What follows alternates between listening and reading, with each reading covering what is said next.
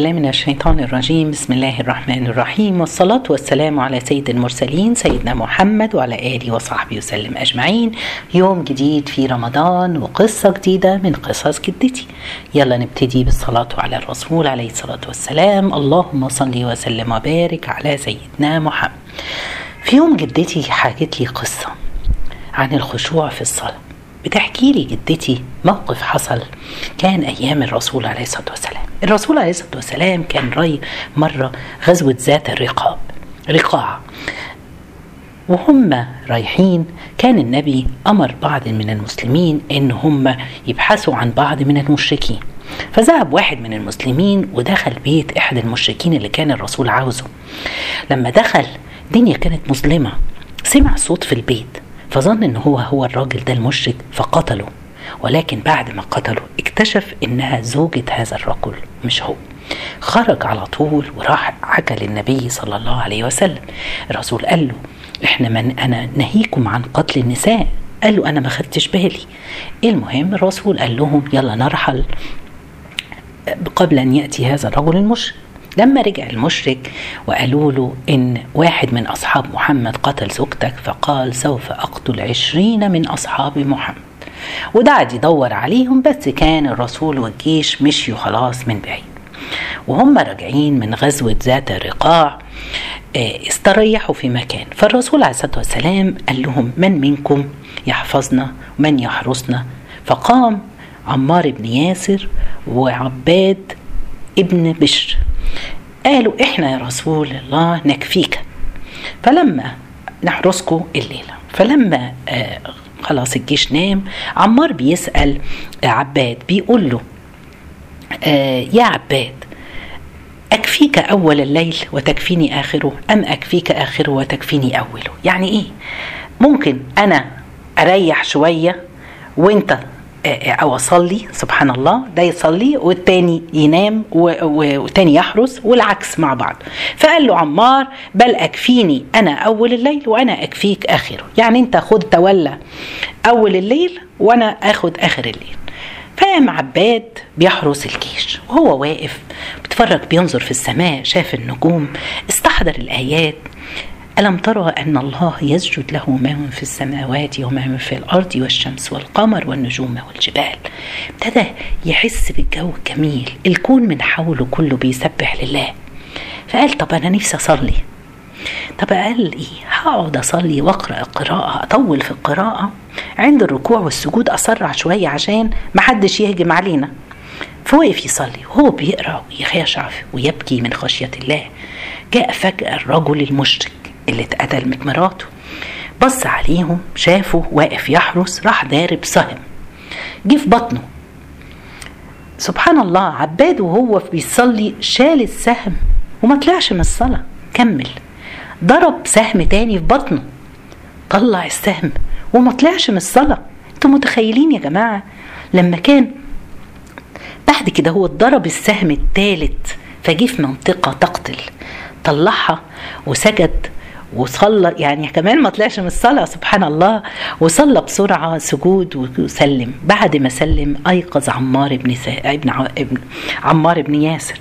فقال له ليه ما صحتنيش فقال له سبحان الله. من أول ما سهم جالك قال له كنت بقرأ في سورة. كنت لا أستطيع أن أقطع تلك السورة. والله لولا إن أنا إن أنا خلاص خفت عليكم من الحراسة فقمت وصحيتك ده الخلصوع إيه السر اللي فيه ده؟ إن عباد بن بشر مش شايف حد في حياته إلا ربنا. هو الله مقصوده في كل ساعة في كل شيء. ده الفرق ما بيننا وبينه. ربنا سبحانه وتعالى في القرآن بيقول لنا دايما ما قالش صلوا. لكن دايما يقول أقيموا الصلاة. وربنا سبحانه وتعالى في القرآن كان بيمدح اللي يخشعون قد أفلح المؤمنون الذين هم في صلاتهم خاشعون أنا عندي سؤال دلوقتي ليا وليكم كلهم. أنت اسألي نفسك وأنت اسأل نفسك أنت بتصلي ولا بت... بتدوري على المخلاة؟ نعم يعني إيه المخلاة دي؟ هحكي لكم قصة تانية. كان مرة في واحد راجل عنده العبد بتاعه. جه العبد قال له يا سيدي ضاعت مخلاة الفرس. المخلاة اللي هي السرج بتاع الفرس. مش لاقيه. فسيده اتزعل واتغضب بس هو كان متوضي وقام صلى ركعتين. بعد ما خلص وسلم نادى على الغلام يا غلام اذهب المكان الفلاني هتلاقي المخلاه هناك. راح العبد بص لقى المخلاه جابها وعاد لسيده. سيده فرح بيها. بس العبد كان ناصح وذكي. قال له يا سيدي أعد الصلاة. فسيده قال له ليه أعيد الصلاة؟ قال له يا سيدي إنك ما كنت تصلي بل كنت تبحث عن المخلاة. فهمتوا القصة؟ كل واحد يسأل فينا إحنا في شغلنا في صلاتنا بنبحث عن المخلاة بنبحث. شغلنا عن الصلاة ولادنا وهمومنا شغلتنا مشاكلنا شغلنا القضية اللي عندي ما بيني وبين جاري ولا ما بيني وبين رئيسي في الشغل. كل واحد فينا بيدخل صلاته بيفكر في مليون حاجة. بس الناس هتقول لي وأنا كمان بقول بس طيب يعني إحنا غصب عننا ما حياتنا فيها دوشة ومشاكل كتير. هقول لكم سؤال. إحنا بنصلي لو صلينا الخمس صلوات وأتقناها يعني على قدنا كده هتاخد مننا إيه؟ ساعة؟ ده بالكتير. طيب بقالنا كام ساعة في اليوم؟ 23 ساعة. 23 ساعة كفاية فيها نشغل ونشيل هم ولادنا ونشيل هم مشاكلنا وشغلنا وجوزي ومراتي. سبحان الله. لو قلنا إحنا ساعات بنسرح بس مش كل ما بندخل نصلي يعني الحمد لله مش وحشين قوي. طب الحمد لله كويس. سبحان الله. بس مش عاوزين أسرح في صلاتي أدخل أقعد أفكر في مشكلة الشغل اللي عندي. أدخل أقعد واقف اتنين جنبيا واولادي بيتكلموا ولا جوزي وابني. أخلص الصلاة وأكون معاهم في في المناقشة اللي هم بيتكلموا فيها وأجيب لهم الحل. لا. ما ينفعش نصلي قدام التلفزيون وعينينا كده نبص كل شوية. إحنا بنصلي ولا بندور على المخلاه؟ ده الفرق. بيننا وبين عباد بن بشر. عباد بن بشر ده كان شايف الله سبحانه وتعالى في كل لحظة قدامه. دي كل واحد فينا يسأل نفسه آخر مرة صلينا ودمعت عينينا إمتى؟ عاوزين نصلي بجد. الإمام ابن الجوزية رأى واحد بيصلي بينقر في صلاته زينا. عمال بسرعة بسرعة بسرعة. الله أكبر الله أكبر. السلام عليكم السلام عليكم. من فعل. فقال له يا هذا إما أن تصلي صلاة تليق بمعبودك وإما أن تختار معبودا يليق بصلاتك. عاوزين نصلي صلاة تليق بمعبودنا بالله عز وجل. لازم نصلي يبقى فيه خشوع في القلب. القلب سبحان الله يا جماعة لازم يبقى حاضر في صلاتنا. جدتي نصحتني نصيحة. قالت يا بنتي من وانتي صغيرة ما تسرعيش في صلاتك. اسجدي وطولي في السجود. هيجي يوم لما تكبري تبقي زيي. مش عارفة تسجدي ومش عارفة تخشعي. خدي وقتك وانت بصحتك. سبحان الله. نلحق ننتهز الفرصة. الصلاة القلب يا جماعة خشوع القلب. هي القلب ده عضلة بتحتاج تمارين وتدريبات معينة يومية عشان تكبر وتقوى. أنا النهاردة هعلم نفسي وإياكم ست تمارين نقوي بيها عضلة القلب عضلة الخشوع في القلب. يلا نتفق وإن شاء الله نستمر على التمارين دي لمدة إحنا في بداية الشهر أهو مدة شهر رمضان وإن شاء الله نوصل للخشوع. أي مدرب لما بيجي له حد رياضي عاوز يتدرب بيقول له أنت عاوز تسخن العضلة قبل ما تدخل على التمارين. طب إحنا هنسخن للصلاة إزاي؟ بحاجتين. أول حاجة نجعل لنا ورد كل ساعة نتذكر فيها الله. ولو عشر ثواني. ما ينفعش إن أنا ببقى في دوامة الدنيا وتيجي تقولي قومي بقى بعد ثلاث أربع ساعات مشغولة في كل حاجة وتيجي تقولي إيه تعالي اذكري رب. هبقى لسه دماغي دي شغالة. فأنا هنتعلم تعليم. هنسخن إزاي؟ كل ساعة كده حتى حطي الارم على الموبايل بتاعي. تن تن عشر ثواني. سبحان الله الحمد لله. استغفر الله.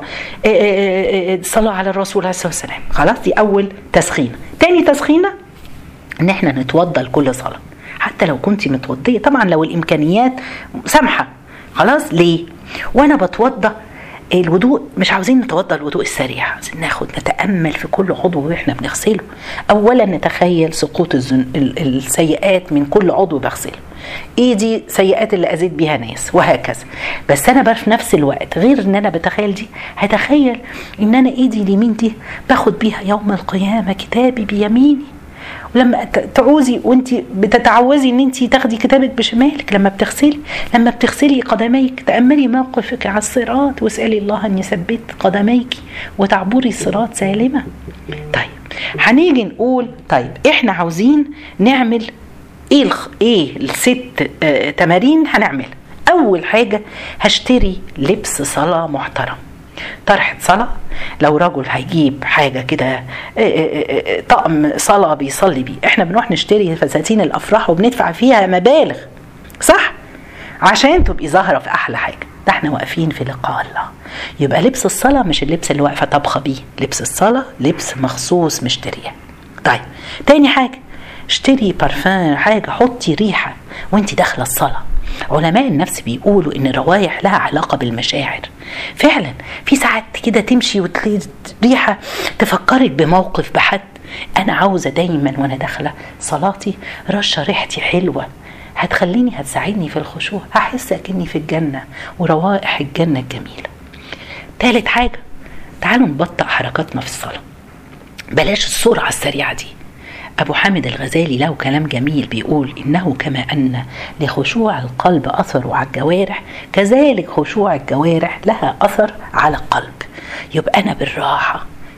يبقى أنا لبست جميل وريحتي حلوة وابتديت بالراحة في حركاتي. هخشع في صلاتي.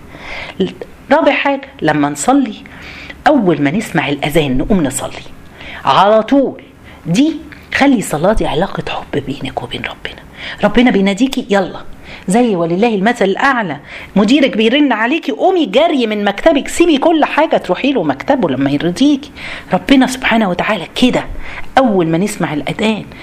ليه؟ عاوزين نوصل للي وصل له كان الرسول بيقول أرحنا بها يا بلال. الصلاة كانت راحة وملجأ لي ولينا. عند التكبيرة اللي بعدها التمرين اللي بعد عند التكبيرة تأمل. وتخيلي كنا إنك بترمي الدنيا كلها ورا ظهرك. مشاكلك مشاكل ولادك مشاكل اليوم. أنا بس واقفة قدامك يا رب. بفتكري يوم القيامة وأنت واقفة قدام ربنا لوحدك. وتخيلي سبحان الله إن أنا واقفة وربنا هيسألني. اخشعي ده هيوصلك لخشوع. التمرين اللي بعده من ضمن التخيلات عند السجود تخيلي ارتباطك بالأرض. أنت ساجده وجهك لله. منتهى الخشوع منتهى الاذلال لله ومع كل ده افتكري أقرب وقت بينك وبين ربنا وانت حاطة وشك تحت في الأرض. اطلبي اللي انت عاوزاه. طولي في الدعاء. لو وصلتي للخشوع كملي إلى أقصى درجة. آخر حاجة مشكلتنا اليوم مش عدد المصلين المشكلة عدد الخاشعين في الصلاة. مشكلتنا مش كثرة الناس بقت كتير والمسلمين أعدادها كتير. تعالوا ندعو ربنا إن الشهر ده شهر يكون خشوع لنا في قلوبنا وجوارحنا. على حدة سواء الاتنين هخشع جوارحي وهخشع قلبي لله ويا رب تقبل منا. وقدرنا على الخشوع. جزاكم الله خير. سبحانك اللهم بحمدك أشهد أن لا إله إلا أنت أستغفرك وأتوب إليك.